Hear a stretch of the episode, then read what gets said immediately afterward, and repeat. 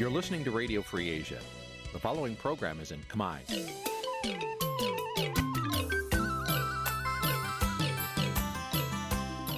នេះជាកម្មវិធីផ្សាយ Vuthu Azizi Serai នេះជាកម្មវិធីផ្សាយរបស់ Vuthu Azizi Serai ជាភាសាខ្មែរ Vuthu Azizi Serai សូមស្វាគមន៍លោកអ្នកនាងទាំងអស់ពីរដ្ឋធានី Washington នៃសហរដ្ឋអាមេរិកពីរដ្ឋធានី Washington នាងខ្ញុំសុជីវីសូមជម្រាបសួរលោកអ្នកនាងអ្នកស្ដាប់ Vuthu Azizi Serai ទាំងអស់ជាទីមេត្រីយើងខ្ញុំសូមជូនកម្មវិធីផ្សាយសម្រាប់ព្រឹកថ្ងៃប្រហ័ស3រោចខែកដឹកឆ្នាំថោះបัญចស័កពុរសករាជ2567ចាប់ដែលត្រូវនៅថ្ងៃទី30ខែវិច្ឆិកាគ្រិស្តសករាជ2023ជាដំបូងនេះសូមអញ្ជើញលោកអ្នកនាងស្ដាប់ព័ត៌មានប្រចាំថ្ងៃដែលមានមេត្តាដូចតទៅ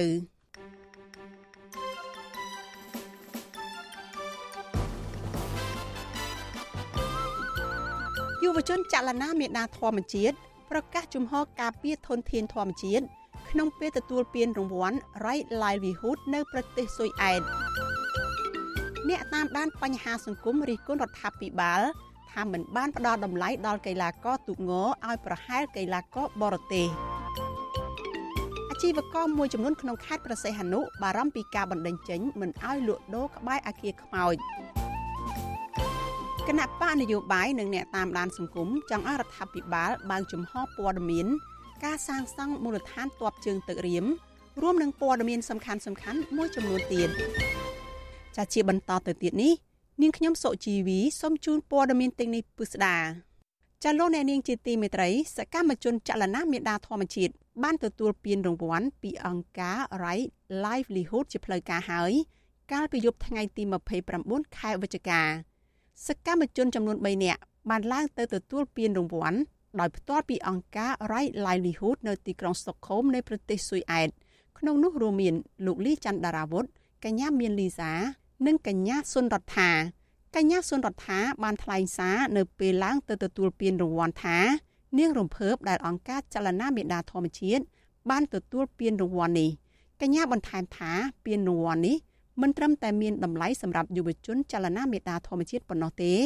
តែវាមានតម្លៃសម្រាប់ពលរដ្ឋកម្ពុជាទាំងមូលកញ្ញាបានថ្លែងរៀបរាប់ថាសកម្មជនចលនាមេដាធម្មជាតិបានប្រឈមនឹងការគំរាមកំហែងជាច្រើននៅក្នុងបេសកកម្មការពារធនធានធម្មជាតិបរិស្ថាន និងការតស៊ូមតិលើកកម្ពស់ប្រជាធិបតេយ្យនៅកម្ពុជាកញ្ញាសុនរដ្ឋាថ្លែងនៅចំពោះមុខអ្នកចូលរួមរាប់រយនាក់ ដោយនាងបានហៅក្រុមយុវជនចលនាមេដាធម្មជាតិថាជាក្រុមខុសច្បាប់កញ្ញាបានពន្យល់ថាសកម្មភាពការងាររបស់ពួកគាត់ត្រូវបានប្រជាពលរដ្ឋមើលឃើញថាមិនមែនជាសកម្មភាពខុសច្បាប់នោះទេប៉ុន្តែពួកគាត់ត្រូវបានរដ្ឋាភិបាលប្រសិទ្ធនាមថាជាក្រុមខុសច្បាប់ទៅវិញ I use the word illegal មូលហេតុដែលខ្ញុំបានហៅថាជាក្រុមខុសច្បាប់នេះដោយសារតែរដ្ឋាភិបាលកម្ពុជា បានហៅក្រុមរបស់យើងថាជាក្រុមខុសច្បាប់ ជាក់ស្ដែងដូចជាតារាវុធនិងខ្ញុំ ដែលចូលនៅទីនេះធ្លាប់ត្រូវបានរដ្ឋាភិបាលចាប់ដាក់ពន្ធនាគាររយៈពេល5ខែកាលពីឆ្នាំ2021កញ្ញាសុនរដ្ឋានិងលោកលីច័ន្ទដារាវុធកំពុងជាប់បណ្ដឹងនៅតុលាការនៅឡើយតុលាការបានចោទប្រកាន់អ្នកទាំងពីរពីបទរួមគំនិតក្បត់ និងប្រឆាំងព្រះមហាក្សត្រដែលអាចជាប់ពន្ធនាគាររហូតដល់10ឆ្នាំយុវជនទាំង3នាក់កញ្ញាមានលីសាកញ្ញាសុនរដ្ឋា និងលោកលីច័ន្ទដារាវុធទៅទទួលពានរង្វាន់ Right Livelihood នៅពេលនេះគឺតំណាងឲ្យអង្គការចលនាមេដាធម្មជាតិនៅពីក្រោយកញ្ញាភួនកែវរស្មីកញ្ញាលងគុន្ធា និងលោកថនរដ្ឋាដែលត្រូវបានតុលាការបដិសេធមិនឲ្យពួកគេ បានទៅទទួលពានរង្វាន់ដោយផ្ទាល់គណៈកម្មការផ្ដល់ពានរង្វាន់ Right Livelihood បានលើកឡើងថាពានរង្វាន់ផ្ដល់ឲ្យយុវជនចលនាមេដាធម្មជាតិនៅពេលនេះ គឺសម្រាប់ភាពក្លាហាន និងភាពតាក់ទាញរបស់ពួកគេក្នុងការអភិរក្សបរិស្ថានធនធានធម្មជាតិនៅក្នុងបរិបទសង្គមមួយ ដែលលំហប្រជាធិបតេយ្យត្រូវបានរឹតបន្តឹងធ្ងន់ធ្ងរអ្នករៀបចំកម្មវិធីបានសួរសំណួរទៅកាន់ក្រុមយុវជនទាំង3នាក់ក្រោយពេលសុនរដ្ឋាបានថ្លែងសន្ទរកថារួចរាល់ថាតើសកម្មជនចលនាមេដាធម្មជាតិនឹងធ្វើអ្វីតទៅមុខទៀតកញ្ញាមានលីសាបានឆ្លើយតបភ្លាមៗថាក្រុមសកម្មជនចលនាមេដាធម្មជាតិ នឹងធ្វើយុទ្ធនាការការពារកោះកុងនិងសកម្មភាពផ្សេងផ្សេងទៀតដើម្បីការពារបរិស្ថានដូចជាធ្វើវីដេអូនិងគូររូបថ្លុកជាដើមជាពិសេសពួកគេនឹងធ្វើសកម្មភាពដើម្បីជំរុញយុវជនឲ្យក្លាយជាយុវជនសកម្មនៅពេលយុវជនទាំង3នាក់ឡើងទៅទទួលពានរង្វាន់ដោយផ្ទាល់នៅលើវេទិកានេះគេក៏បញ្ចាំងវីដេអូរបស់អង្គការចលនាមេដាធម្មជាតិអំពីសកម្មភាពរបស់ក្រុមយុវជន ធ្វើការការពារបរិស្ថាន និងធនធានធម្មជាតិនេះដែរក្រៅពីនេះសកម្មជនបរិស្ថាននិងសកម្មជនឆ្នើមជាច្រើនអ្នកទៀតមកពីមជ្ឈមបូព៌ានិងមកពីប្រទេសប្រកាន់របបផ្ដាច់ការមួយចំនួនទៀតពួកគេក៏មានឆន្ទៈនិងបានលះបង់សពបែបយ៉ាងដើម្បីការពារបរិស្ថាននិងសិទ្ធិមនុស្សហើយក៏បានទទួលពានរង្វាន់នេះដែររយៈពេល40ឆ្នាំមកនេះអង្គការ Right Livelihood បានផ្ដល់ពានរង្វាន់ដែលមានតម្លៃប្រហាក់ប្រហែលនឹងពានរង្វាន់ Nobel ជូនទៅដល់បុគ្គលដែលក្លាហានចំនួន194នាក់មកពី76ប្រទេស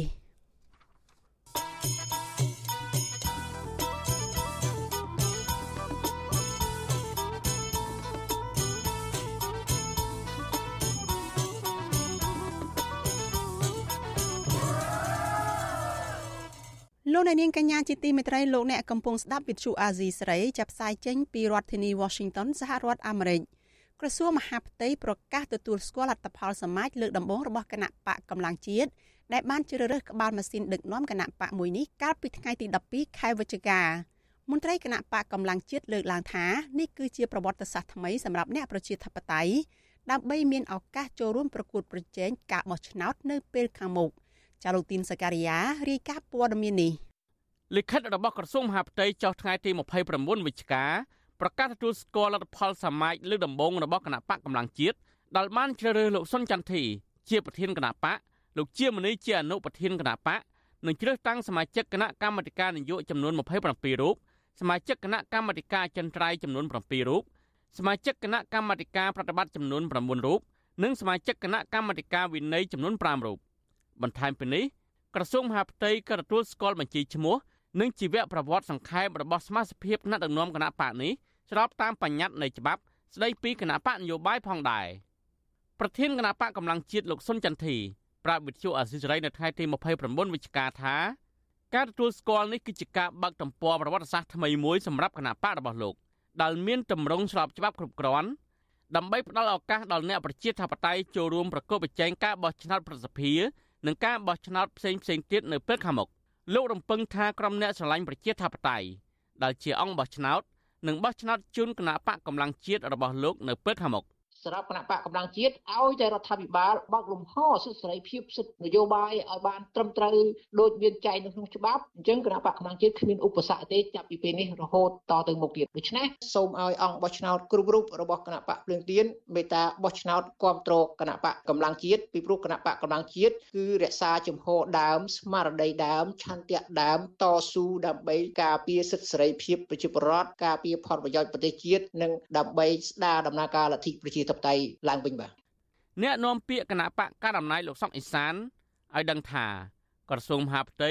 ទទួលស្គាល់លទ្ធផលសមាជរបស់គណៈបកណាមួយគឺជារឿងធម្មតាហើយលោកថាគណៈបកប្រជាជនកម្ពុជារបស់លោកក៏មិនព្រួយបារម្ភនឹងការប្រកួតប្រជែងការបោះឆ្នោតជ្រើសរើសសមាជិកប្រសិទ្ធិនៅដើមឆ្នាំ2024ខាងមុខនេះដែរអញ្ចឹងអង្គបោះឆ្នោតរបស់គាត់នឹងវាថមថយអញ្ចឹងទេការសង្ឃឹមរបស់គាត់នឹងវាគ្រាន់តែជាវោហារសាស្ត្រ នយោបាយដើម្បីកម្លាចិត្តតែប៉ុណ្ណោះទេក៏ប៉ុន្តែអារឿងដែលមានព្រៀបខាងនយោបាយមកលើគណៈបកប្រជាជនវាអត់ផ្លូវទេជុំវិញនឹងបញ្ហានេះអ្នកជំនាញផ្នែកវិទ្យាសាស្ត្រនយោបាយលោកអែមសវណ្ណរាយល់ឃើញថា ការបង្កើតគណៈបកកម្លាំងជាតិធ្វើឲ្យបែកខ្ញែកសម្លេងអ្នកប្រជាធិបតេយ្យដែលពិបាកក្នុងការប្រកួតប្រជែងយកឈ្នះគណៈបកកណ្ដាលអំណាច ប៉ុន្តែបើសិនបើគណៈបកភ្លើងទៀននឹងប្រឹងប្រែងឬក៏រួមគ្នាតស៊ូដើម្បីសុំយកនៅភាពស្របច្បាប់លិខិតបញ្ជាក់ពីក្រសួងមហាផ្ទៃតាមគេហៅថាបញ្ជាក់ពីការបង្កើតគណៈបកហ្នឹងបញ្ជាក់លិខិតនឹងឡើងវិញទៅគឺជាកិច្ចការមួយល្អបំផុតជាជាងការទៅរកបកថ្មីបាទគណៈបកកម្លាំងជាតិបានធ្វើសមាជលើកដំបូងកាលពីថ្ងៃទី12វិច្ឆិកានៅភូមិក្រចាប់ក្រុងស្ទឹងសែនខេត្តកំពង់ធំដោយមានអ្នកចូលរួមប្រមាណជា1500នាក់ហើយភ្នាក់ច្រើន ជាសមាជិកក្រុមប្រឹក្សាឃុំសង្កាត់របស់គណៈបកភ្លើងទៀនអង្គសមាជគណៈបកមួយនេះបានអនុម័តលក្ខន្តិកៈរបស់គណៈបកចំនួន10ចម្ពោះចែកជា57មេត្រានិងបានបោះឆ្នោតជ្រើសតាំងក្បាលម៉ាស៊ីនដឹកនាំគណៈបកអង្គសមាជក៏បានជ្រើសគណៈកម្មការនយោបាយរបស់គណៈបកគណៈកម្មការចិន្ត្រៃយ៍គណៈកម្មការប្រតិបត្តិនិងគណៈកម្មការវិន័យបន្ថែមពីនេះអង្គសមាជក៏បានកំណត់ទិសដៅការងារឆ្ពោះទៅចូលរួមបោះឆ្នោតប្រសិទ្ធភាព និងការបោះឆ្នោតជ្រើសតាំងក្រុមប្រឹក្សាខេត្តក្រុងស្រុកខណ្ឌរាជធានី នៅឆ្នាំ2024នេះគណៈបកកម្លាំងជាតិត្រូវបានបង្កើតឡើងដោយអតីតមន្ត្រីជាន់ខ្ពស់គណៈបកភ្លើងទៀនបន្ទាប់ពីកោជបបានរារាំងមិនឲ្យគណៈបកភ្លើងទៀនចូលរួមការបោះឆ្នោតកាលពីខែកក្កដាឆ្នាំ2023ទោះជាយ៉ាងណាមន្ត្រីជាន់ខ្ពស់គណៈបកភ្លើងទៀនមួយចំនួនក៏ងាកទៅចង់សម្ព័ន្ធភាពជាមួយគណៈបកក្រៅរដ្ឋាភិបាលចំនួន3ទៀតដែរ ហើយមន្ត្រីជាន់ខ្ពស់គណៈបកភ្លើងទៀនមួយចំនួនទៀតបានចេញពីគណៈបកភ្លើងទៀនមកចូលរួមធ្វើនយោបាយជាមួយគណៈបកកម្លាំងជាតិដែលជាគណៈបកទើបតែបង្កើតថ្មីនេះអ្នកជំនាញវិជាសាស្ត្រនយោបាយលើកឡើងថាដើម្បីប្រកួតប្រជែងជាមួយគណៈបកកណ្ដាលអំណាចបានលុះត្រាតែក្រុមអ្នកនយោបាយដំកល់ផលប្រយោជន៍ជាតិជាធំដែលចូលលើគោលការណ៍ប្រជាធិបតេយ្យទើបអាចតាក់ទាញអ្នកគាំទ្រពីមហាជនបានខ្ញុំបាទទីនសាការីយ៉ាអស៊ីសេរី ប្រធានាធិបតី Washington លោកនាងកញ្ញាជាទីមេត្រីចាប់ព័ត៌មានតកតងនឹងមន្ត្រីគណៈបកភ្លើងទៀនដែលកំពុងជាប់ឃុំវិញម្ដងសាច់ញាតិនិងមេធាវីមន្ត្រីគណៈបកភ្លើងទៀនដែលកំពុងជាប់ឃុំរំពឹងថាសាឡាវតោនឹងផ្ដល់យុត្តិធម៌ដល់អ្នកជាប់ឃុំទាំងនោះដើម្បីឲ្យពួកគេមានសេរីភាពជួបជុំគ្រួសារឡើងវិញមន្ត្រីសង្គមស៊ីវិលមើលឃើញថាសំណុំរឿងនយោបាយបែបនេះពិបាករំពឹងថាតុលាការនឹងអាចអនុញ្ញាតឲ្យមន្ត្រីគណៈបកភ្លើងទៀនបាននៅក្រៅឃុំណាស់ គណៈស្ថានភាពនយោបាយនៅតានតឹងនៅឡើយ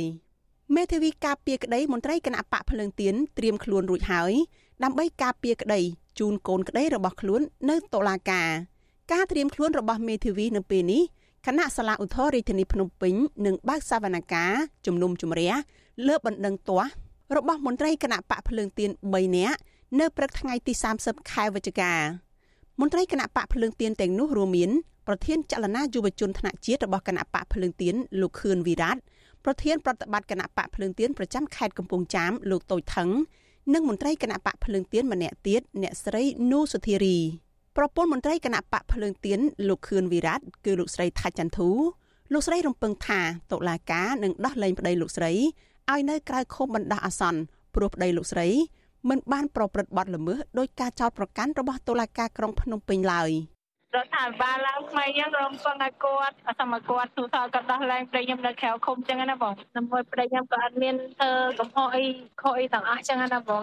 ចំណែកមេធាវីការពារក្តីរបស់មន្ត្រីគណៈបកប្រឆាំងលោកសំសុគងប្រាប់ថាក្រុមមេធាវីត្រៀមខ្លួនរួចហើយដើម្បីការពារនៅក្នុងបន្ទប់សវនកម្មរបស់សាលាឧទ្ធរលោកមេធាវីក៏រំពឹងដែរថាតុលាការជាន់ខ្ពស់មួយនេះនឹងផ្ដល់យុត្តិធម៌ជូនកូនក្តីរបស់លោក សមត្ថកិច្ចបានចាប់ខ្លួនមន្ត្រីគណៈបកភ្លើងទៀន3នាក់កាលពីថ្ងៃទី24ខែមីនាដែលធ្វើឡើងនៅប្រមាណ4ម៉ោងមុនពេលសាលាដំបងរាជធានីភ្នំពេញប្រកាសសាលក្រមផ្ដន់ទាទោសពួកគេពីបទក្លែងបន្លំ និងប្រើប្រាស់លិខិតក្លែងតាមបណ្ដឹងរបស់ក្រសួងមហាផ្ទៃពាក់ព័ន្ធនឹងការស្នើសុំបង្កើតគណៈបកបេះដូងជាតិកាលពីឆ្នាំ2021របស់លោកសៀមភ្លុកបច្ចុប្បន្នសំណុំរឿងនេះមានអ្នកជាប់ឃុំចំនួន4នាក់ហើយ ខណៈមនុស្ស8នាក់ភៀសច្រើនជាមន្ត្រីគណៈបកភ្លើងទៀនកំពុងភៀសខ្លួនជុំវិញរឿងនេះដែរអ្នកនាំពាក្យសមាគមអាត6លោកសឹងសែនករណាសង្កេតឃើញថាតុលាការបានយកការប្រើប្រាស់សិទ្ធិបញ្ចេញមតិរបស់អ្នកនយោបាយបកប្រឆាំងមកធ្វើជាដើមចបនៃការចោទប្រកាន់មន្ត្រីសង្គមស៊ីវិលរូបនេះក៏សម្គាល់ទៀតថាសំណុំរឿងភាកច្រើនរបស់សកម្មជនបកប្រឆាំងប្រសិនបើសាលាដំបងរាជធានីភ្នំពេញសម្រេចបែបណាហើយសាលាឧទ្ធរក៏តែងតែសម្រេចបែបនោះដែរ ចឹងខ្ញុំយល់ថាវាពិបាកនឹងថាមានភាពវិជ្ជមានណាស់តែយ៉ាងណាយើងនៅតែតាមដានទាំងអស់គ្នាមើលណាថាតើការដេញដោលនៅក្នុងសាលាតូនឹងគេផ្ដល់សិទ្ធិផ្ដល់ឱកាសទៅដល់សកម្មជនទាំងអស់ហ្នឹងគាត់បានលើកឡើងនៅអ្វីដែលជារឿងរ៉ាវរបស់គាត់ទៅដល់តុលាការដើម្បីបានស្ដាប់អំពីអ្វីដែលជាការយល់ឃើញណាការឬក៏សកម្មភាពពួកគាត់ឬក៏ផោះតាំងផ្សេងផ្សេងដើម្បីដោះបន្ទុកគាត់ អង្គការលីកាដូឲ្យដឹងថាគិតត្រឹមថ្ងៃទី29ខែវិច្ឆិកាមានអ្នកទោសនយោបាយចំនួន38នាក់កំពុងជាប់ឃុំនៅក្នុងពន្ធនាគារដោយអយុត្តិធម៌ក្រមសិទ្ធិមនុស្សរិះគន់ថាសំណុំរឿងនយោបាយបើស្ថានភាពនយោបាយនៅតែមានសភាពតានតឹងដោយសពថ្ងៃនេះសកម្មជននិងមន្ត្រីបកប្រឆាំងពិបាកនឹងទទួលបានយុត្តិធម៌ពីតុលាការណាទោះជាយ៉ាងណាសហគមន៍អន្តរជាតិបានរំលឹកទៅរដ្ឋាភិបាលជាញឹកញាប់ ឲ្យផ្ដល់សេរីភាពដល់អ្នកទស្សនយោបាយទាំងនោះវិញដោយគ្មានលក្ខខណ្ឌតែរដ្ឋាភិបាល នៅតែមិនទាន់ធ្វើតាមសំណើទាំងនោះនៅឡើយទេ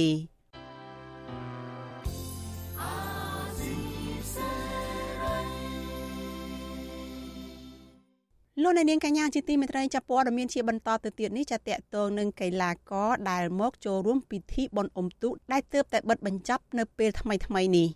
អ្នកតាមដានបញ្ហាសង្គមនិងមន្ត្រីគណៈបកប្រឆាំងរិះគន់រដ្ឋាភិបាលថាមិនបានគិតគូរផ្ដល់កន្លែងស្នាក់នៅនិងអាហារហូបចុកសម្រាប់ក្រុមកីឡាករទូកងឲ្យបានប្រហាក់ប្រហែលនឹងក្រុមកីឡាករបរទេសដែលមកចូលរួមប្រកួតកីឡាស៊ីហ្គេមកាលពីពេលកន្លងទៅនេះពួកគេចង់ឲ្យរដ្ឋាភិបាលផ្ដល់តម្លៃឲ្យក្រុមកីឡាករទូកងឲ្យដោយក្រុមកីឡាករបរទេសដើម្បីបង្ហាញពីការគិតគូរដល់ពលរដ្ឋខ្លួនឯងជាធំចាលោកសេកបណ្ឌិតរាយការណ៍ព័ត៌មាននេះ អ្នកតាមដានបញ្ហាសង្គមនិងមន្ត្រីគណៈបកប្រឆាំងរិះគន់ថារដ្ឋាភិបាលអាចគិតគូរដល់កីឡាករបរទេសឲ្យស្នាក់នៅស្រួលបួលនិងហូបចុកឆ្ងាញ់បានប៉ុន្តែបែរជាមិនអាចផ្ដល់ការគិតគូរដូចគ្នាដល់ក្រុមកីឡាករទូកងដែលជាអ្នកលើកស្ទួយវប្បធម៌ប្រពៃណីជាតិរបស់ខ្លួន ដើម្បីឲ្យពួកគេមានទឹកចិត្តមកចូលរួមប្រណាំងទូកងនៅឆ្នាំក្រោយៗទៀត អតីតតំណាងរាជគណៈបកសង្គ្រោះជាតិលោកអ៊ុំសំអាន ប្រាប់បទសុអសីសេរី នៅថ្ងៃទី29វិច្ឆិកាថា ការមិនរៀបចំឲ្យកីឡាករទូកងមានអាហារហូបចុកគ្រប់គ្រាន់ និងកន្លែងស្នាក់នៅត្រឹមត្រូវប្រកបដោយផាសុកភាពអនាម័យនិងសេចក្តីថ្លៃថ្នូរដោយកីឡាករបរទេសគឺមានន័យថារដ្ឋាភិបាលមិនបានផ្ដល់តម្លៃដល់ពិធីបុណ្យអុំទូកដែលជាពិធីបុណ្យប្រពៃណីជាតិនោះទេ ហើយថែមទាំងមិនបានគិតគូរជួយទៅដល់ពលរដ្ឋខ្លួនឯងជាធំនោះដែរ។តែឆ្នាំនេះធ្វើមិនបានហើយឆ្នាំក្រោយយើងគួរតែកែលម្អចំណុចហ្នឹងទៅយើងគិតគូរទៅដល់កីឡាករបរទេសឬអីយើងមិនគិតគូរទៅដល់កីឡាករទូកងរបស់ខ្មែរដែលជួយលើកស្ទួយវប្បធម៌ប្រពៃណីខ្មែរដែលមកចូលរួមបនអំទូកដែលជាប្រពៃណីរបស់ខ្មែរនោះយើងគួរតែលើកតម្កើងកីឡាករខ្មែរយើងផងដែរដើម្បីឲ្យគាត់មានទឹកចិត្ត មន្ត្រីគណៈបកប្រឆាំងរូបនេះបន្តថាមូលហេតុដែលលោកហ៊ុនសែនអតីតនាយករដ្ឋមន្ត្រីហ៊ានយកលុយរាប់លានដុល្លារទៅចំណាយលើថ្លៃធ្វើដំណើរស្នាក់នៅ និងហូបចុកជំនួសក្រុមកីឡាករបរទេសមកប្រកួតស៊ីហ្គេម កាលពីខែកក្កដាកន្លងទៅ ដែលមានកាតព្វកិច្ចត្រូវចំណាយដោយខ្លួនឯងនោះ ដោយសារលោកហ៊ុនសែនចង់ទិញទឹកចិត្តបណ្ដាមេដឹកនាំបរទេសនៅអាស៊ានឲ្យជួយទទួលស្គាល់ការបោះឆ្នោតបង្ក្រប់កិច្ច ដែលលោកបានរៀបចំឡើង ដើម្បីផ្ទេរអំណាចទៅឲ្យកូនដោយខុសច្បាប់ ដោយមិនមែនដើម្បីលើកដំកើងកិត្តិយសជាតិនោះឡើយការលើកឡើងរបស់មន្ត្រីគណៈបកប្រឆាំងនេះស្របពេលមានការប្រៀបធៀបខុសគ្នាឆ្ងាយរវាងការហូបចុកនិងការស្នាក់នៅរបស់ក្រុមកីឡាករទូកងនិងក្រុមកីឡាករបរទេសដែលមកចូលរួមប្រកួតព្រឹត្តិការណ៍ SEA Games ដែលកម្ពុជាធ្វើជាម្ចាស់ផ្ទះកាលពីខែកក្កដាកន្លងទៅ នៅពេលនោះរដ្ឋាភិបាលរបស់អតីតនាយករដ្ឋមន្ត្រី លោកហ៊ុនសែនបានបញ្ចេញថវិកាជាតិបន្ថែមជាង7លានដុល្លារសម្រាប់ជួយចេញថ្លៃចំណាយលើការស្នាក់នៅ និងហូបចុកជំនួសក្រុមប្រតិភូនិងកីឡាករបរទេសទាំងនោះ អំឡុងពេលមកប្រកួតកីឡាស៊ីហ្គេមនៅកម្ពុជារយៈពេលជាង10ថ្ងៃក្រុមកីឡាករបរទេសដេកលើក្រែពូកក្នុងបន្ទប់ម៉ាស៊ីនត្រជាក់ នៅតាមអាគារស្នាក់នៅ និងនៅតាមសន្តាគារលំដាប់ផ្កាយ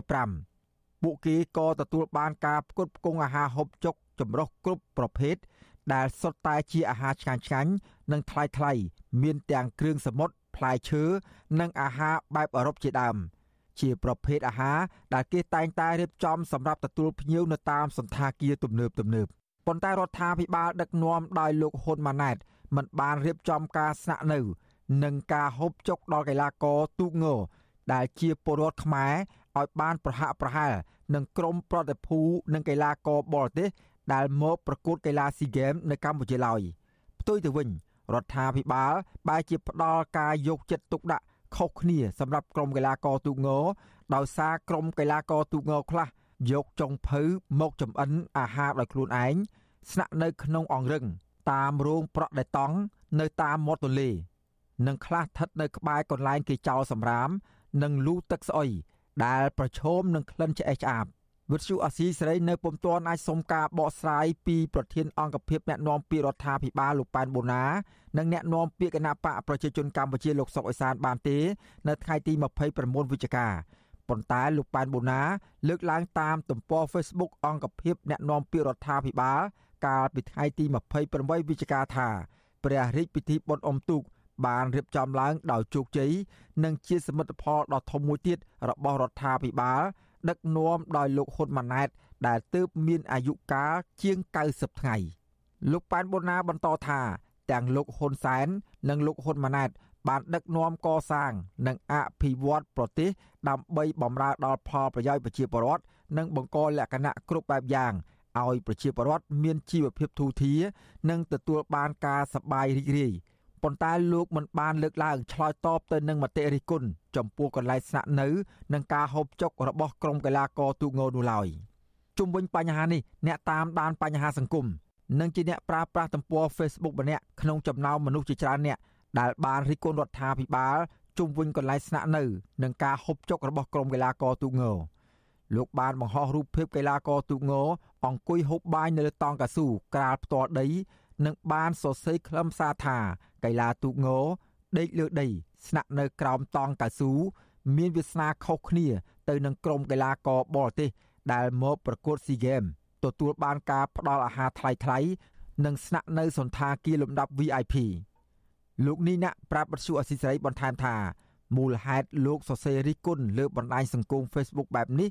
ដោយសារលោកពិនិត្យឃើញរដ្ឋាភិបាលនៅមានចំណុចខ្វះខាតច្រើនក្នុងការយកចិត្តទុកដាក់ លើការហូបចុកនិងការស្នាក់នៅ រួមទាំងការគ្រប់គ្រងផ្លូវចិត្តទៅដល់ក្រុមកីឡាករទូកងបើប្រៀបធៀបទៅនឹងក្រុមកីឡាករបរទេសដែលមកប្រកួតកីឡានៅកម្ពុជា ក្នុងអំឡុងព្រឹត្តិការណ៍ SEA Games ជាពិសេសហ្នឹងគឺវាជាបុណ្យប្រពៃណីជាតិដ៏ធំមួយ ហើយជាកីឡាករផ្នែកទូកងហ្នឹងគឺប្រជាពលរដ្ឋយើងនៅតែចាត់ទុកថា ពិធីនេះមានសារៈសំខាន់សម្រាប់លើកមុខមាត់ជាតិដូចការប្រារព្ធពិធីប្រកួតកីឡាស៊ីហ្គេមដែរព្រះរាជពិធីបុណ្យអុំទូកបណ្ដែតប្រទីបនិងសំពះប្រខែអអំបុកក្នុងឆ្នាំ2023នេះមានទូកងប្រមាណ338គ្រឿងនិងកីឡាករឬចំណុះទូកជាង20000នាក់ចូលរួមអ្នកតាមដានបញ្ហាសង្គមនិងមន្ត្រីគណៈបកប្រឆាំងយល់ឃើញថា រដ្ឋាភិបាលគួរដល់ពេលរៀបចំឲ្យមានអគារស្នាក់នៅសមរម្យសម្រាប់ក្រុមកីឡាករទូកងចាប់ពីឆ្នាំក្រោយទៅ ហើយមិនគួរឲ្យពួកគាត់មកបោះតង់ស្នាក់នៅតាមមាត់ទន្លេដែលគ្មានបន្ទប់ទឹកនិងកន្លែងចម្អិនអាហារត្រឹមត្រូវនោះទេហើយការធ្វើបែបនេះក៏បង្ហាញពីការគិតគូរពីកីឡាករខ្លួនឯងឲ្យបានស្មើនឹងកីឡាករបរទេសដែរខ្ញុំបាទសេកបណ្ឌិតវុទ្ធុអាស៊ីសេរីពីរដ្ឋធានីវ៉ាស៊ីនតោន លោកអ្នកនាងកញ្ញាជាទីមេត្រីចាព័ត៌មានពីខេត្តប្រសេះហនុឯណោះវិញចាក្រុមអាជីវករលក់ដូរជាប់អាគារខ្មោចឬក៏អាគារដែលគេបោះបង់ចោលមិនទាន់សាងសង់រួចមួយចំនួននៅក្នុងក្រុងប្រសេះហនុព្រួយបារម្ភពីអាញាធរបណ្ដេញចេញលែងឲ្យប្រកបរបរខណៈការប្រកបមុខរបរលក់ដូររបស់ពលរដ្ឋប្រចាំថ្ងៃរកចំណូលមិនសូវបាន។ មន្ត្រីសង្គមស៊ីវិលលើកឡើងថាអាញាធរគួររៀបចំកន្លែងសម្រាប់ឲ្យពលរដ្ឋលក់ដូរដោយដែលអាញាធររៀបចំកន្លែងឲ្យជនជាតិចិនមួយចំនួនអាចប្រកបអាជីវកម្មដែរដើម្បីឲ្យពលរដ្ឋខ្មែរអាចរកស៊ីដោះស្រាយបញ្ហាជីវភាពប្រចាំថ្ងៃចាលោកមានរិទ្ធមានសេចក្តីរាយការណ៍អំពីរឿងនេះអាជីវករមួយចំនួនដែលលក់ដូរក្បែរអាគារខ្មោចក្នុងក្រុងប្រសេនុចាប់ផ្ដើមរើតូបទៅលក់ដូរនៅកន្លែងផ្សេងទៀតហើយខ្លះទៀតព្រួយបារម្ភពីអាញាធរបណ្ដឹងចេញ បន្ទាប់ពីអាជ្ញាធរបានចុះព្រមានពួកគេឲ្យរើរបស់របរទៅលក់ដូរនៅកន្លែងផ្សេងទៀតក្រុមហេតុផលថាដើម្បីបញ្ជាផលប៉ះពាល់ដល់សន្តិភាពសង្គមដំណើរអាជីវករនៅតំបន់រង្វង់មូលតាវ2លោកស្រីមុំនីតាប្រាវិសុវស៊ីស្រីនៅថ្ងៃទី29ខែវិច្ឆិកាថាសប្តាហ៍នេះលោកស្រីរកចំណូលមិនសូវបាននោះទេហើយបើអាញាធិបបណ្ដឹងចេញលែងឲ្យប្រកបរបរនោះលោកស្រីនឹងប្រឈមនឹងការខាតបង់ច្រើន លោកស្រីបញ្ជាក់ថាកាលពីថ្ងៃទី28ខែវិច្ឆិកាអាជ្ញាធរបានចុះព្រមានអាជីវករដោយទុករយៈពេល3ថ្ងៃដើម្បីរើរបស់របរទៅលក់ដូរនៅកន្លែងផ្សេងលោកស្រីថាបាអាញាធរបណ្ដេញពលរដ្ឋលែងឲ្យលក់ដូរនោះពលរដ្ឋរាប់រយគ្រួសារនឹងប្រឈមនឹងបញ្ហាសេដ្ឋកិច្ចកាន់តែខ្លាំងដោយសារតែអាញាធរមិនបានរៀបចំកន្លែងថ្មី ដើម្បីឲ្យពលរដ្ឋប្រកបរបរសមរម្យនោះទេហើយខ្ញុំចំនួន3ខែណាមិនទាន់រួចថ្លៃធ្វើតូច ឈប់ឲ្យជួលគឺមកគេឈប់ឲ្យយើងលក់យើងមានឈប់អគារខ្មោចឬអគារមិនទាន់សាងសង់រួចរាល់មានចំនួនរាប់រយអគារនៅក្នុងក្រុងព្រះសីហនុបន្ទាប់ពីអ្នកជំនួញជនជាតិចិនបោះបង់ចោលហើយពួកគេត្រឡប់ទៅប្រទេសចិនវិញ កាលពីអំឡុងឆ្នាំ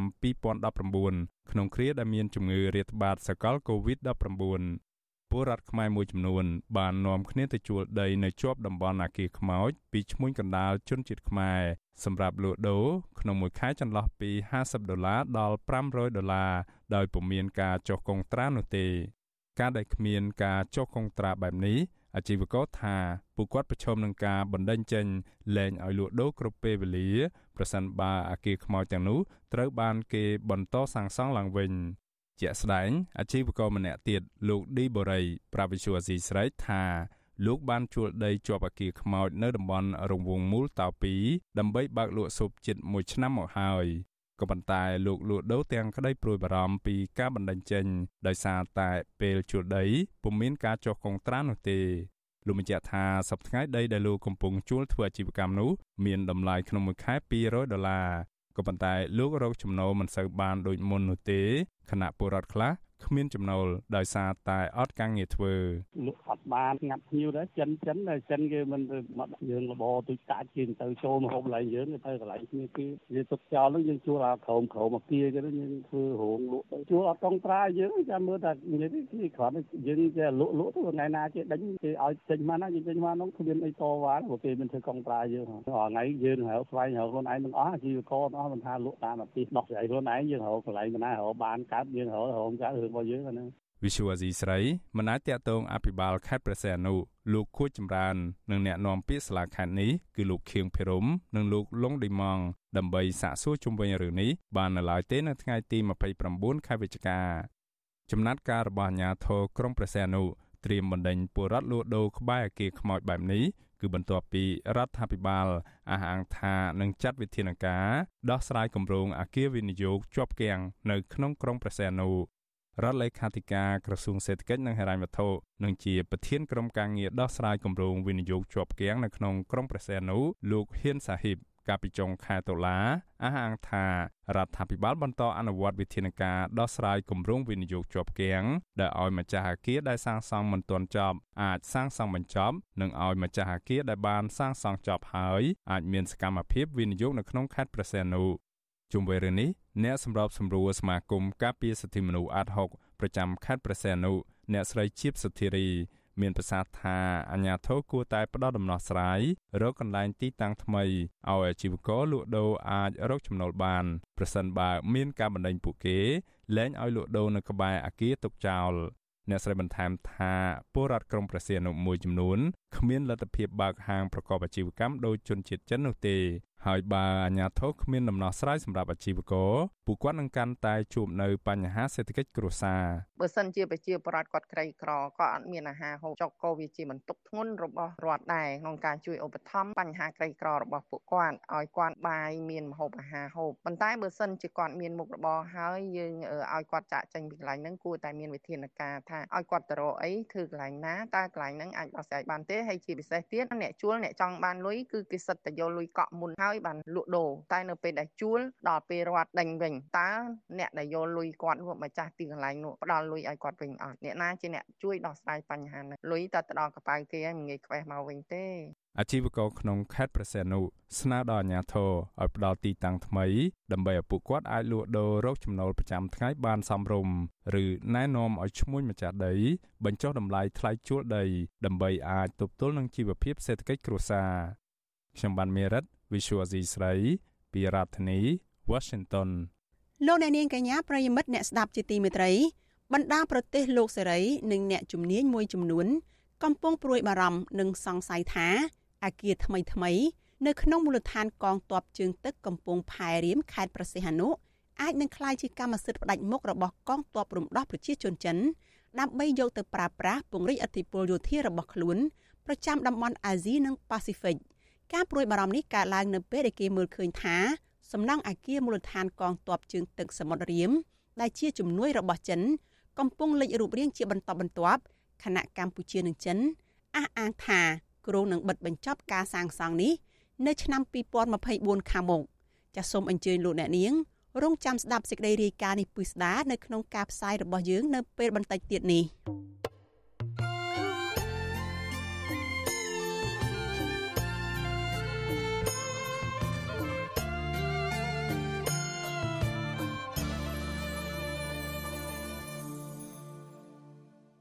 លោកអ្នកនាងកញ្ញាជាទីមេត្រីចាងាកទៅព័ត៌មានតកតងនឹងការការពារធនធានព្រៃឈើវិញម្ដង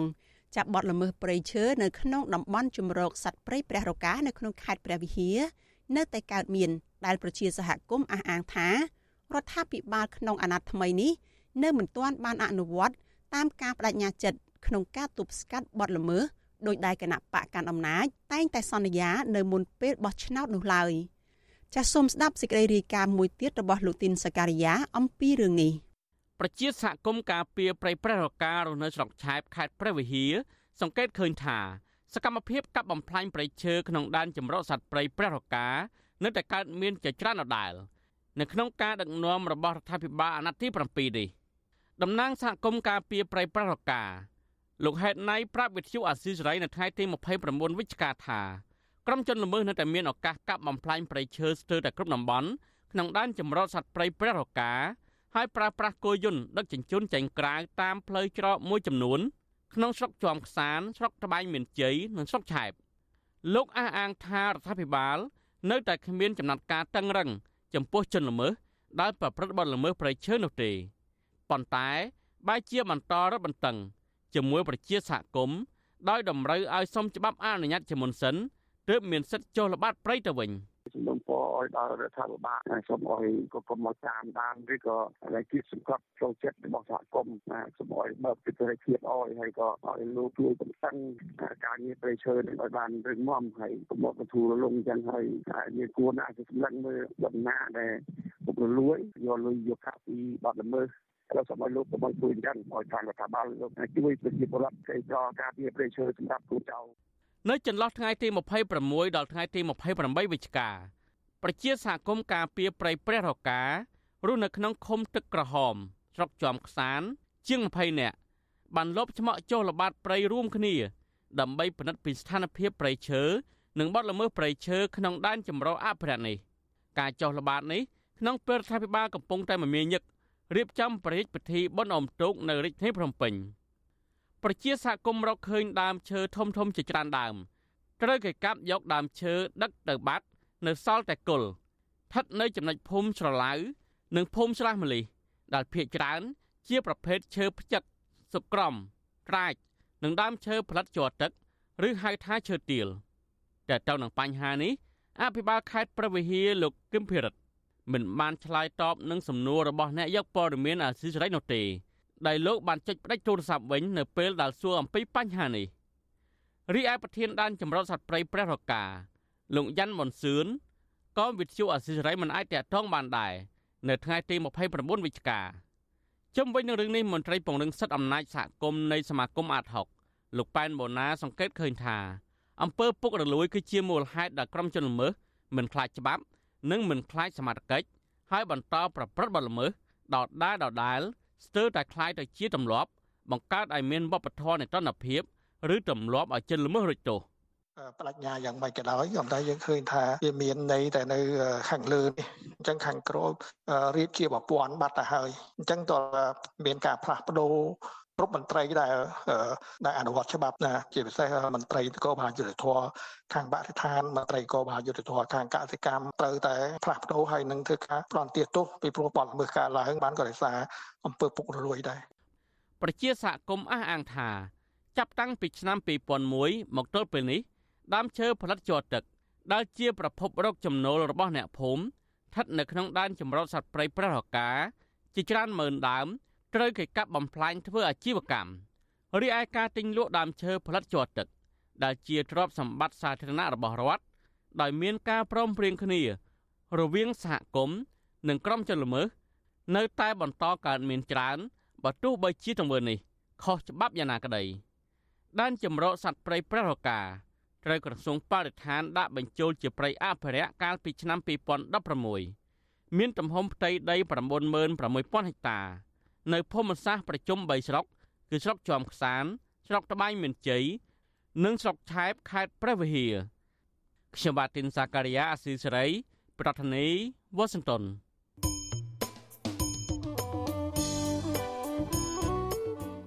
ចាលោកអ្នកនាងជាទីមេត្រី នៅក្នុងឱកាសនេះដែរនាងខ្ញុំសូមថ្លែងអំណរគុណដល់លោកអ្នកនាងកញ្ញាទាំងអស់ដែលតែងតែមានភក្ដីភាពចំពោះការផ្សាយរបស់យើង ហើយចាត់ទុកការស្ដាប់វិទ្យុអាស៊ីសេរីនេះ គឺជាផ្នែកមួយនៃសកម្មភាពប្រចាំថ្ងៃរបស់លោកអ្នកនាងចាការគ្រប់គ្រងរបស់លោកអ្នកនាងនេះហើយដែលធ្វើឲ្យយើងខ្ញុំកាន់តែមានទឹកចិត្តខ្លាំងថែមទៀតក្នុងការស្វែងរកព័ត៌មាននិងផ្តល់ព័ត៌មានពិតជូនលោកអ្នកនាងចាំមានអ្នកស្ដាប់មានអ្នកទស្សនាកាន់តែច្រើនកាន់តែធ្វើឲ្យយើងខ្ញុំមានភាពស្វាហាប់មោះមុតជាបន្តទៅទៀតយើងខ្ញុំសូមអរគុណទុកជាមុនហើយសូមអញ្ជើញលោកអ្នកនាងកញ្ញាចូលរួមជំរុញឲ្យសកម្មភាពផ្សព្វផ្សាយព័ត៌មានរបស់វិទ្យុអាស៊ីសេរីនេះ จะកាន់តែជោគជ័យបន្ថែមទៀតចាលោកអ្នកនាងអាចជួយយើងខ្ញុំបានដោយគ្រាន់តែចុចចែករំលែកការផ្សាយរបស់ Vithu Azizi Serai ចានៅលើបណ្ដាញសង្គម Facebook និង YouTube ទៅកាន់មិត្តភ័ក្តិរបស់លោកអ្នកនាងចាដើម្បីឲ្យការផ្សាយរបស់យើងនេះបានទៅដល់មនុស្សកាន់តែច្រើន ចាសូមអរគុណ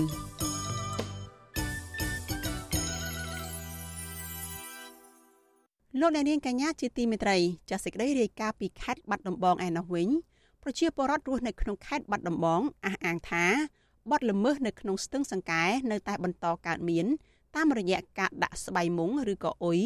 ដើម្បីយកកូនត្រីដែលកំពុងធ្វើឲ្យហិនហោចដល់ធនធានមច្ឆជាតិនៅក្នុងស្ទឹងនេះមន្ត្រីសង្គមស៊ីវិលជំរុញឲ្យអាជ្ញាធរជលផល បង្កើនការចុះល្បាតទាំងថ្ងៃទាំងយប់និងអប់រំពលរដ្ឋឲ្យយល់ពីផលប៉ះពាល់នៃការប្រើប្រាស់ឧបករណ៍នេសាទខុសច្បាប់ដើម្បីធានាពីលំនឹងធនធានមច្ឆជាតិនៅក្នុងស្ទឹង ចាលោកយ៉ងច័ន្ទដារារាយការណ៍ព័ត៌មាននេះខណៈដែលអាកាសធាតុចុះត្រជាក់ធ្លាក់ខ្យល់រំហើយ ទឹកស្ទឹងស្រកបន្តិចគេសង្កេតឃើញថាការនេសាទនៅក្នុងស្ទឹងសង្កែហាក់មានភាពមមាញឹកជាពិសេសនៅត្រង់ទំនប់ស្ទាក់ទឹកសាឡាតាអននៅក្នុងនោះក៏មានការប្រើប្រាស់ឧបករណ៍នេសាទខុសច្បាប់បែបអនាធបត័យផងដែរប្រជាពលរដ្ឋរស់នៅក្នុងឃុំសំរោងក្នុងស្រុកឯកភ្នំ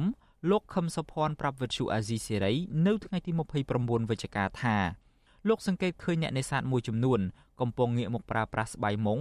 ឬហៅថាអ៊ុយដើម្បីដាក់យកត្រីតូចធំជាច្រើនទីតាំងខណៈឧបករណ៍នេសាទខុសច្បាប់ប្រភេទនេះធ្វើឲ្យប៉ះពាល់យ៉ាងខ្លាំងដល់ពពួកកូនត្រី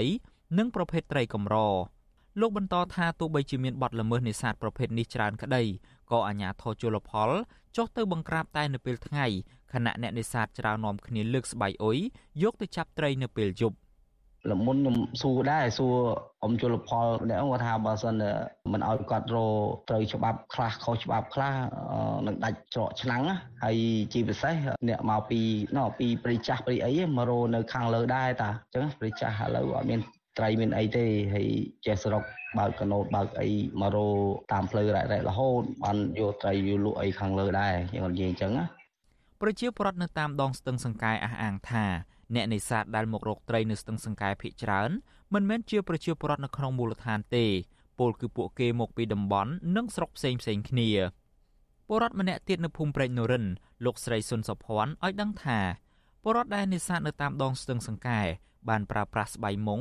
ឬអួនក្រឡាញឹកនេះចាប់តាំងពីដើមខែវិច្ឆិកាមកម្លេះដោយត្រីដែលពួកគេនេសាទបាននោះសុទ្ធសឹងតែជាប្រភេទកូនត្រីល្អិតល្អិត ដែលលើកចេញពីស្ទឹងនៅក្នុងមួយកន្លែងមិនតិចជាង500គីឡូក្រាមនោះឡើយលោកស្រីរៀបរាប់ទៀតថាការបើកឲ្យប្រើប្រាស់ឧបករណ៍នេសាទខុសច្បាប់សម្រាប់នេសាទកូនត្រីបែបនេះនឹងបណ្ដាលឲ្យផលនេសាទនៅរដូវប្រាំងធ្លាក់ចុះខ្លាំងហើយទិន្នផលត្រីកាន់តែធ្លាក់ចុះនៅឆ្នាំបន្ទាប់ទៀតប៉ុណ្ណាក៏យកដែរវាធំវាមិនតាន់ទេអ្នករោតូចធំយកទាំងអស់ភាកច្រើនឬថាភាកច្រើនវាគ្មានធំទេសបោតូចតូចទាំងហ្នឹងប៉ិនមរៀមដៃមេជើងមេដៃអីចឹងទៅ ការប្រើប្រាស់ឧបករណ៍នេសាទប្រភេទស្បៃមុង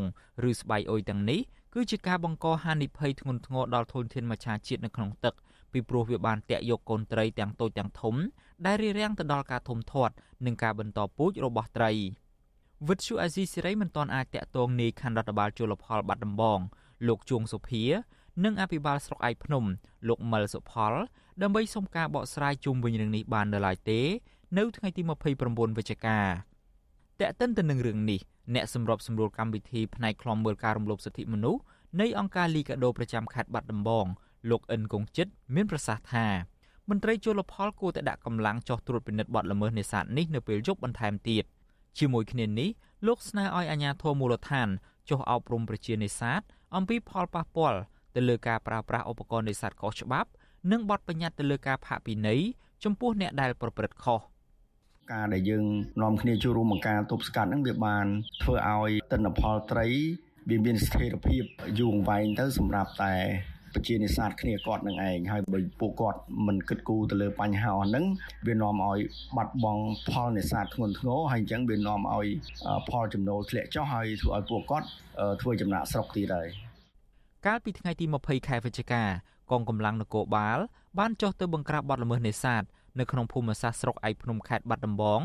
នៅចំណុចបឹងតាអ៊ូស្ថិតនៅក្នុងភូមិកំពង់ប្រហុកឃុំកោះជីវាំងស្រុកឯកភ្នំដោយបានកាប់បំផ្លាញនិងដុតចោលសាច់មងប្រវែងជាង500ម៉ែត្របង្គោលចំនួនជាង100ដើមលុកចំនួន2គ្រឿងនិងលែងកូនត្រីចម្រុះចូលធម្មជាតិវិញចំនួន70គីឡូក្រាមទោះជាបែបនេះក្តីការចោះបង្ក្រាបបទល្មើសនេសាទនេះហាក់ទទួលបានលទ្ធផលតិចតួចប៉ុណ្ណោះបើប្រៀបធៀបជាមួយនឹងចំនួនករណីបទល្មើសនេសាទ ដែលមានពាសពេញស្ទឹងរហូតទៅដល់តំបន់បឹងទន្លេសាបមន្ត្រីសង្គមស៊ីវិលនិងប្រជាពលរដ្ឋដែលរស់នៅតាមបណ្ដោយស្ទឹងសង្កែអំពាវនាវឲ្យអាជ្ញាធរជលផល និងប្រជានេសាទខ្លួនឯងផ្ទាល់ចូលរួមទប់ស្កាត់និងមិនត្រូវប្រើប្រាស់ឧបករណ៍នេសាទខុសច្បាប់ដើម្បីធានាទៅលើស្ថិរភាពត្រីនៅក្នុងស្ទឹងដែលជាការគិតគូរប្រយោជន៍យូរអង្វែងជាជាងប្រយោជន៍មួយពេលធ្វើឲ្យហិនហោចធនធានធម្មជាតិនៅក្នុងស្ទឹងសង្កែរហូតទៅខ្ញុំយ៉ងច័ន្ទដារាវិទ្យុអាស៊ីសេរី Washington លោកអ្នកនាងជាទីមេត្រីចាប់ព័ត៌មាននៅក្នុងខេត្តបាត់ដំបងនេះដែរចាប់ពលរដ្ឋដែលមានទំនាស់ដីធ្លីចំនួន70គ្រួសារនៅក្នុងខេត្តនេះបានដាក់ពាក្យប្តឹងអ្នកមានអំណាចដែលប្រើប្រាស់គ្រឿងចាក់ឈូសឆាយផ្ទះសម្បែងរបស់ពួកគាត់អស់17ខ្នងទៅកាន់អភិបាលខេត្តនេះមន្ត្រីអង្គការសង្គមស៊ីវិលថាការដាក់ពាក្យប្តឹងនេះជាការស្វែងរកយុត្តិធម៌សម្រាប់ជនរងគ្រោះនិងស្នើដល់អាជ្ញាធរខេត្ត ដោះស្រាយបញ្ហានេះប្រកបដោយតម្លាភាពចាលោកសេកបណ្ឌិត មានសេចក្តីរាយការណ៍មួយទៀតអំពីរឿងនេះជូនលោកអ្នកនាងតំណាងពលរដ្ឋមានទំនាស់ដីធ្លី70គ្រួសារនៅភូមិកំប្រងឃុំតាក្រីស្រុកកំរៀងខេត្តបាត់ដំបងនៅថ្ងៃទី29វិច្ឆិកាបានដាក់ពាក្យប្តឹងអ្នកមានអំណាចដែលជាទីប្រឹក្សាប្រធានក្រុមប្រឹក្សាអភិវឌ្ឍវិស័យកសិកម្មនិងជនបទលោកទួធានទឺ ពីបទបំផ្លិចបំផ្លាញនិងធ្វើឲ្យខូចខាតផ្ទះសម្បែងរបស់ពួកគាត់តាមពាក្យបណ្ដឹងរបស់ប្រជាពលរដ្ឋជូនទៅអភិបាលខេត្តបាត់ដំបងបានរៀបរាប់ថាកាលពីថ្ងៃទី10វិច្ឆិកាលោកទួធានទឺនិងបពពួកបានប្រើប្រាស់គ្រឿងចាក់ឈូសឆាយផ្ទះនិងទ្រព្យសម្បត្តិរបស់ប្រជាពលរដ្ឋនៅភូមិកំប្រង់ឃុំតាក្រីស្រុកកំរៀងអស់ចំនួន17ខ្នងផ្ទះ រួមមានផ្ទះឈើប្រក់ស័ង្កសីចំនួន13ខ្នងផ្ទះដែកប្រក់ស័ង្កសីចំនួន4ខ្នង និងបានរុះរើរបងសង់ពីឈើនិងដែកមួយចំនួនផងដែរតំណាងប្រជាពលរដ្ឋលោកជុនធី ប្រាប់បទសុអសីស្រី នៅថ្ងៃទី29វិច្ឆិកាថា លោកមិនអាចទទួលយកបានទេ នៅទង្វើបំផ្លិចបំផ្លាញទ្រព្យសម្បត្តិរបស់ប្រជាពលរដ្ឋបែបនេះលោកបន្តថាមូលហេតុនៃការឈូសឆាយផ្ទះសម្បែងប្រជាពលរដ្ឋទាំង17ខ្នងនេះ លោកទួធិនទឺលើកឡើងថាដោយសារតែលោកបានទិញផ្ទះពីប្រជាពលរដ្ឋចំនួន5ឬ6ខ្នងរួចទៅហើយគេថាគេបានទិញពី5 6គ្រួសារតែគាត់ចេះតែឆ្លើយការពិតអត់មែនផងមានគេលក់ឲ្យគាត់ផងកាលពីថ្ងៃទី25វិច្ឆិកាលោកជុនធីក៏បានប្តឹងលោកទួធានទឺទៅសាលាដំបងខេត្តបាត់ដំបងពីបទបំផ្លិចបំផ្លាញនិងធ្វើឲ្យខូចខាតដោយចេតនាក្រោយពីលោកទួធានទឺ បានប្រើប្រាស់គ្រឿងចាក់ឈូសឆាយបំផ្លាញផ្ទះរុះរើរបងនិងលួចយករបស់របរមួយចំនួនទៀតសរុបជាទឹកប្រាក់ប្រមាណ20,000ដុល្លារអាមេរិកលោកជុនធីបន្ថែមថា តាំងពីលោកទួធានទឺបិទផ្លូវចេញចូលទៅដីខាងក្រៅនោះមកពលរដ្ឋទាំង70គ្រួសារមិនអាចធ្វើដំណើរតាមផ្លូវដែលធ្លាប់ឆ្លងកាត់បាននោះទេហើយនៅពេលលោកទួធានទឺឈូសឆាយកាយផ្ទះប្រជាពលរដ្ឋ ក៏ពលរដ្ឋមិនអាចចូលទៅមើលបានដែររហូតមានសមត្ថកិច្ចមកដល់ទីតាំង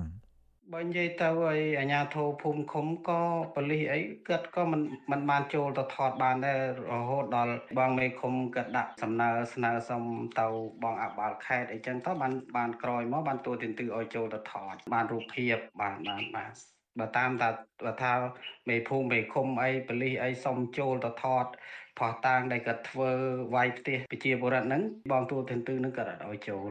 លោកជុនធីស្នើដល់អភិបាលខេត្តបាត់ដំបងស្វែងរកយុទ្ធធរសម្រាប់លោក និងពលរដ្ឋ70គ្រួសារវិទ្យុអស៊ីស្រីនៅពុំទាន់អាចតកតងទីប្រឹក្សាប្រធានក្រុមប្រឹក្សាអភិវឌ្ឍវិស័យកសិកម្មនិងជនបទលោកទួធានទឺ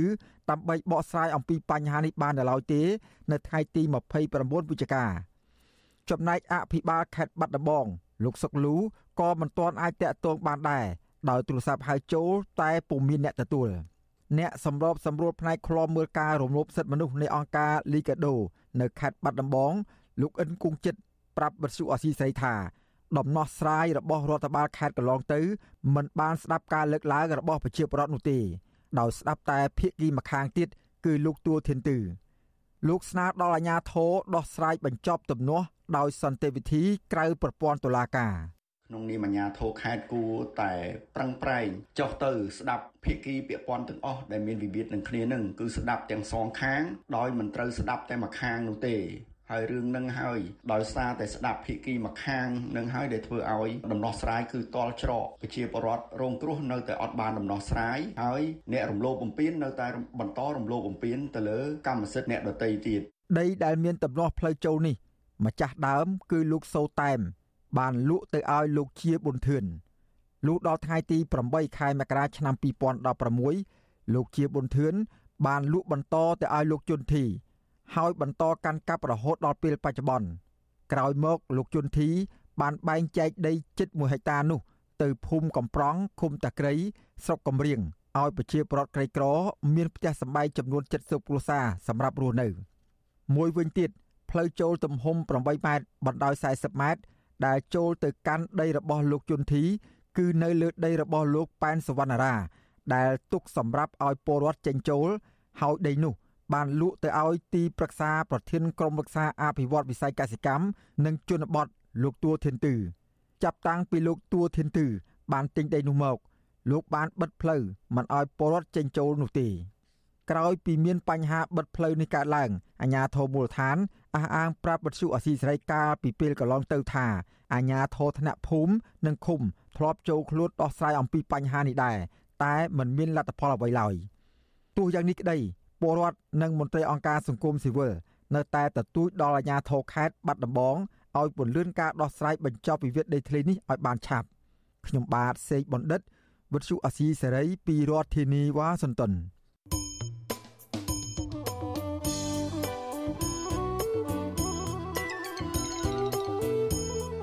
លោកអ្នកនាងជាទីមេត្រីដំណើរគ្នានឹងស្ដាប់ការផ្សាយផ្ទាល់របស់វិទ្យុអាស៊ីសេរីតាមរយៈបណ្ដាញសង្គម Facebook YouTube និង Telegram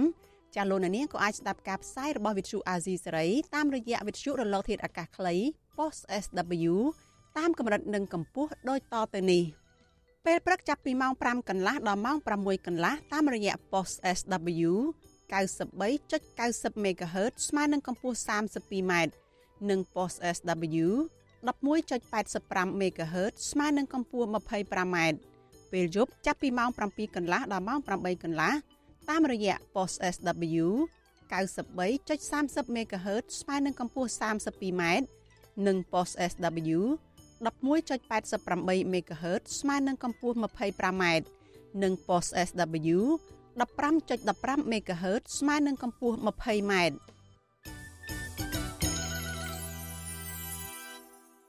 លោកអ្នកនាងកញ្ញាប្រិយមិត្តជាទីមេត្រីចរដ្ឋាភិបាលបញ្ឈប់គម្រោងសាងសង់ធម្មពលអគិសនីប្រើដោយធ្យូងថ្មនៅក្នុងខេត្តកោះកុងរដ្ឋមន្ត្រីក្រសួងធម្មពលលោកកែវរតនាប្រាប់សារព័ត៌មាន Reuters កាលពីថ្ងៃទី29ខែវិច្ឆិកាថានាយករដ្ឋមន្ត្រីហ៊ុនម៉ាណែតនឹងប្រកាសអំពីការលុបចោលគម្រោងសាងសង់រោងចក្រធម្មពលធ្យូងថ្ម នៅថ្ងៃប្រហ័សទី30ខែវិច្ឆិកានេះលោកបន្ថែមថាការលុបចោលគម្រោងធម្មពលអគិសនីដើរដោយធ្យូងថ្ម មានធម្មពល700មេហ្គាវ៉ាត់និងសាងសង់រោងចក្រធម្មពលអគ្គិសនីមានកម្លាំង800មេហ្គាវ៉ាត់ជំនួសវិញគម្រោងនេះនឹងដាក់ឲ្យដំណើរការនៅក្នុងឆ្នាំ2030គណៈរដ្ឋមន្ត្រីរបស់អតីតនាយករដ្ឋមន្ត្រីលោកហ៊ុនសែនបានសម្រេចសាងសង់រោងចក្រធម្មពលអគ្គិសនីធ្យូងថ្មកាលពីថ្ងៃទី7ខែកុម្ភៈឆ្នាំ2020គម្រោងនេះវិនិយោគដោយក្រុមហ៊ុន Royal Group របស់លោកគិតម៉េងដែលចំណាយថវិកាប្រមាណ1500លានដុល្លារ លោកការរតនៈបញ្ជាក់ថាក្រុមហ៊ុន Royal Group នឹងសាងសង់រោងចក្រអគ្គិសនីដើរដោយឧស្ម័នធម្មជាតិជំនួសគម្រោងរោងចក្រធ្យូងថ្មវិញកម្ពុជាបាននាំចូលធម្មពលអគ្គិសនីពីប្រទេសជិតខាងរួមមានប្រទេសថៃវៀតណាមនិងឡាវជាដើម។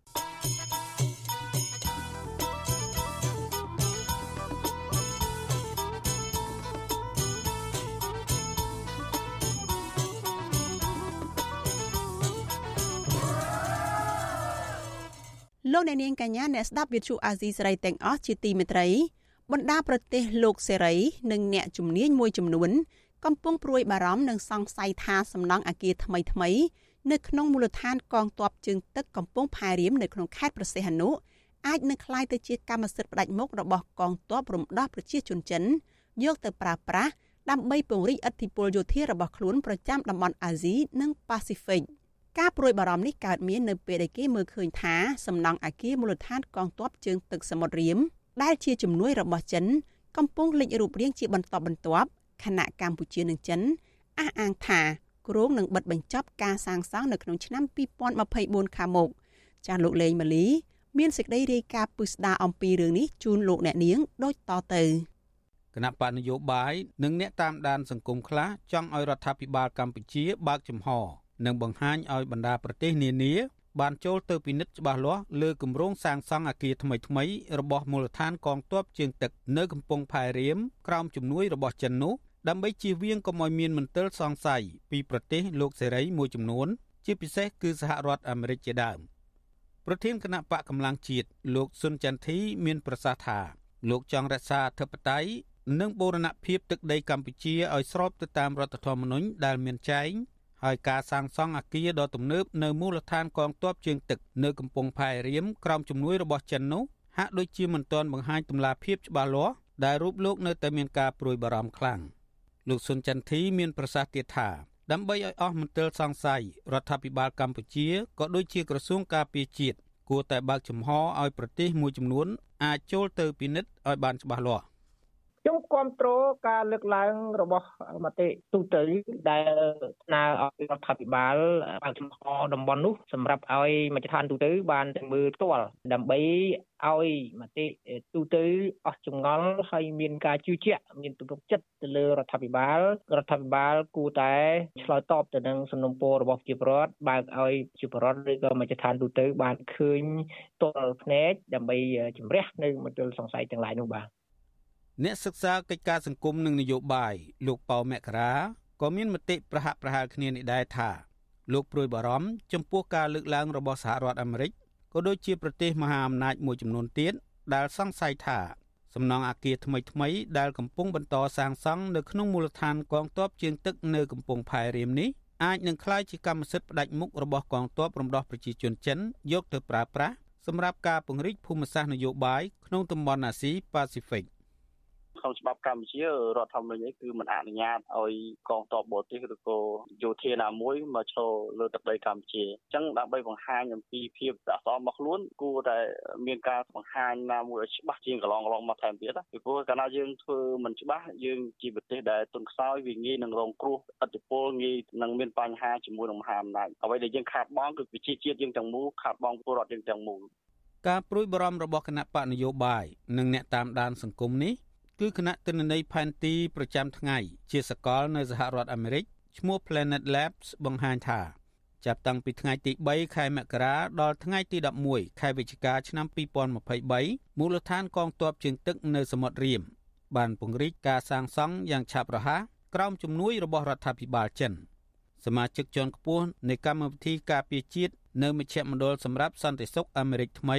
លោក Tom Sugar ដែលតាមដានគម្រោងនេះ ធ្លាប់មានប្រសាសន៍ប្រាប់វិទ្យុអស៊ីសេរីកាលពីថ្ងៃទី18ខែវិច្ឆិកាថាផ្ទៃដីដែលទើបតែឈូសឆាយថ្មីថ្មីមានទំហំប្រមាណ30ហិកតា លោក Tom Sugar ឲ្យដឹងទៀតថា សំណង់អគារធំធំ និងហេដ្ឋារចនាសម្ព័ន្ធមួយចំនួន កំពុងលេចរូបរាងនៅកំពង់ផែរៀមចុងក្រោយនេះដែលគេសង្ស័យថាជាបន្ទាយអគាររដ្ឋបាលនិងអគារសិក្ខាសាលារបស់កងទ័ពមេបញ្ជាការកងទ័ពជើងទឹកកម្ពុជា លោកឧត្តមនាវីទាវិញបានបដិសេធមិនធ្វើអធិប្បាយជុំវិញរឿងនេះទេ នៅថ្ងៃទី29វិច្ឆិកាដោយលោកមានប្រសាសន៍យ៉ាងខ្លីថាលោកកំពុងជាប់រវល់ប្រជុំចំណែកអ្នកនាំពាក្យក្រសួងការពារជាតិលោកឈុំសុជាតិបានឆ្លើយតបថាលោកកំពុងជាប់រវល់ធ្វើដំណើរហើយលោកមានប្រសាសន៍ថាប្រសិនបើមានរឿងសំខាន់សូមឲ្យបញ្ជូនសំណួរផ្ញើតាមប្រព័ន្ធ Telegram ទៅរូបលោក គឺលោកនឹងឆ្លើយតបវិញនៅពេលក្រោយ។ បើមានការតិចប្រញាប់តិចតិចណាផ្ញើ Telegram បងមកលេខហ្នឹងដាក់ឈ្មោះខ្ញុំ Telegram ឈ្មោះលេខហ្នឹងញ៉ាំមកខ្ញុំនឹងឆ្លើយតបមានព្រមអត់ទេទោះជាយ៉ាងណាទោះជាយ៉ាងណាក្តីចាប់តាំងពីសម័យអតីតនាយករដ្ឋមន្ត្រីហ៊ុនសែនរហូតដល់សម័យរដ្ឋាភិបាលលោកហ៊ុនម៉ាណែតតែងតែប្រកាសច្រានចោលនឹងថាកម្ពុជានឹងមិនអនុញ្ញាតឲ្យបរទេសណាមួយមកដាក់មូលដ្ឋានទ័ពនៅកម្ពុជាឡើយនិងថាកម្ពុជានឹងមិនអនុញ្ញាតឲ្យបរទេសណាមួយមកដាក់មូលដ្ឋានទ័ពនៅកម្ពុជាឡើយ ត្បិតវាជាការរំលោភអធិបតេយ្យនិងប្រឆាំងនឹងរដ្ឋធម្មនុញ្ញរបស់ប្រទេសអ្នកជំនាញផ្នែកភូមិសាស្ត្រនយោបាយបណ្ឌិតរវណ្ណៈមានប្រសាសន៍ថា បច្ចុប្បន្ននេះគេមើលឃើញថាដោយសារតែអំណាចរបស់ចិន កំពុងតែរីករាលដាលខ្លាំងនៅក្នុងតំបន់គឺវាអាចនឹងធ្វើឲ្យប្រទេសតូចៗងាយរងគ្រោះធ្លាក់ក្នុងអន្ទាក់នៃភូមិសាស្ត្រនយោបាយចិនបណ្ឌិតរវណ្ណៈមានប្រសាសន៍ទៀតថាពីព្រោះតែចិនកំពុងមានមហិច្ឆតាចង់ក្លាយជាមហាអំណាចលើសលប់ នៅក្នុងតំបន់អាស៊ីប៉ាស៊ីហ្វិកដូច្នេះចិនត្រូវក្តោបផ្ដាប់លើសមុទ្រចិនខាងត្បូងហើយត្រូវការកន្លែងដាក់ពង្រាយកងទ័ពរបស់ខ្លួនទៅតាមលទ្ធភាពដែលអាចធ្វើទៅបាន។ ប្រទេសកម្ពុជានេះវាជាកន្លែងទាញបន្ទុំខ្លាំងដែរដោយសារតែនយោបាយការបរទេសរបស់សហរដ្ឋអាមេរិកហ្នឹងដើម្បីលើកកម្ពស់អនុត្តរភាពស្រីហ្នឹងគឺគាត់ត្រូវការពីតំបន់អាស៊ីប៉ាស៊ីហ្វិកហ្នឹងមិនឲ្យធ្លាក់ទៅក្នុងអំណាចរបស់ចិនព្រោះចិនមានមហិច្ឆតាចង់ខ្លាយជាមហាអំណាចអនុត្តរភាពតំបន់នៅតំបន់អាស៊ីប៉ាស៊ីហ្វិកហ្នឹងអញ្ចឹងចិនត្រូវក្តោបសម្បត្តិចិននៅត្បូងហើយអញ្ចឹងលទ្ធភាពរបស់ចិនគឺត្រូវពង្រាយវត្តមានយោធារបស់ខ្លួនទៅក្រៅប្រទេសតាមលទ្ធភាពអាចធ្វើទៅបាន កាសែត The Washington Post ដែលបានយកឯកសារយោធាសម្ងាត់របស់មន្ទីរបញ្ចកោណនៃក្រសួងការពារជាតិសហរដ្ឋអាមេរិកមកចុះផ្សាយកាលពីចុងខែមេសាឲ្យដឹងថាផ្នែកមួយនៃកំពង់ផែកងទ័ពជើងទឹករៀមត្រូវកងទ័ពរំដោះប្រជាជនចិនកំណត់ទុកសម្រាប់ប្រើប្រាស់ធ្វើជាមូលដ្ឋានរបស់កងពលសម្រាប់គ្រប់គ្រងផុសភារយោធារបស់ចិន នៅលើពិភពលោកឯកសារដដែលបង្ហាញទៀតថាមូលដ្ឋានទ័ពរបស់ចិននៅកំពង់ផែរៀមនេះ ទំនងជាអាចផ្ទុកវត្តមានកងទ័ពចិន បានតិចជាងកំពង់ផែដែលចិនកំពុងសាងសង់នៅប្រទេសអេមីរ៉ាតអារ៉ាប់រួមចិនមានផែនការបង្កើតមូលដ្ឋានទ័ពរបស់ខ្លួននៅក្រៅប្រទេសឲ្យបានយ៉ាងតិចចំនួន5កន្លែងនិងទីតាំងគ្រប់គ្រងការផ្គត់ផ្គង់ភស្តុភារចំនួន10កន្លែងទៀតនៅត្រឹមឆ្នាំ2030ក្នុងបំណងការពារសន្តិសុខជាតិនិងអត្ថប្រយោជន៍សេដ្ឋកិច្ចរបស់ក្រុងប៉េកាំងសម្រាប់ពង្រីកអំណាចនៅក្រៅប្រទេស។ អ្នកវិភាគនយោបាយនិងសង្គមយល់ថាវាជាការពិបាកមួយដែលតម្រូវឲ្យរដ្ឋាភិបាលកម្ពុជាបើកចំហនិងបង្ហាញឲ្យច្បាស់លាស់ចំពោះការសាងសង់មូលដ្ឋានកងទ័ពជើងទឹកនៅកំពង់ផែសមុទ្ររៀមខេត្តព្រះសីហនុនាពេលនេះពីព្រោះរដ្ឋាភិបាលកម្ពុជាអាចមានមូលហេតុក្រោមលេសរក្សាការសម្ងាត់នៃសន្តិសុខជាតិក្រុមអ្នកវិភាគនយោបាយព្រួយបារម្ភថាប្រសិនបើកម្ពុជាធ្លាក់ក្នុងអន្ទាក់នយោបាយភូមិសាស្ត្ររបស់ចិន នោះនឹងធ្វើឲ្យកម្ពុជារងគ្រោះច្រើនដូចជា កម្ពុជាជួបវិបត្តិធ្ងន់ធ្ងរលើការបាត់បង់ធនធានធម្មជាតិអស់ភ្នំអស់រ៉ែបាត់ស្ទឹងទន្លេបឹងបួរនិងប្រព័ន្ធធម្មជាតិជីវៈចម្រុះដោយសារតែការវិនិយោគរបស់ចិនមិនគិតគូរអំពីផលប៉ះពាល់លើសម្បត្តិធម្មជាតិខ្មែរបន្ថែមលើនេះនយោបាយរបស់កម្ពុជាក៏មិនមានស្ថិរភាពសម្រាប់ធានាដល់ប្រជាពលរដ្ឋឲ្យរស់នៅបានសុខសាន្ត និងកម្ពុជាហាក់បាត់បង់ទីពឹងជាមួយបណ្ដាប្រទេសលោកសេរី គឺមានចិនតែមួយគត់សម្រាប់ទីពឹង ដែលធ្វើឲ្យកម្ពុជាអាចមិនមានអធិបតេយ្យនិងស្ថិរភាពនយោបាយបានជាម៉ាតលេងម៉ាលីវិទ្យុអេស៊ីសេរី Washington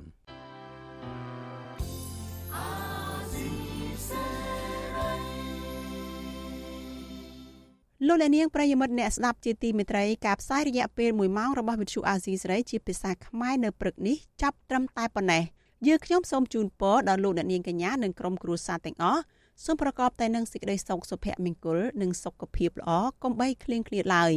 នេះខ្ញុំសុជីវីព្រមទាំងក្រុមការងារទាំងអស់នៃវិទ្យុអាស៊ីសេរីចាសសូមអរគុណនិងសូមជម្រាបលា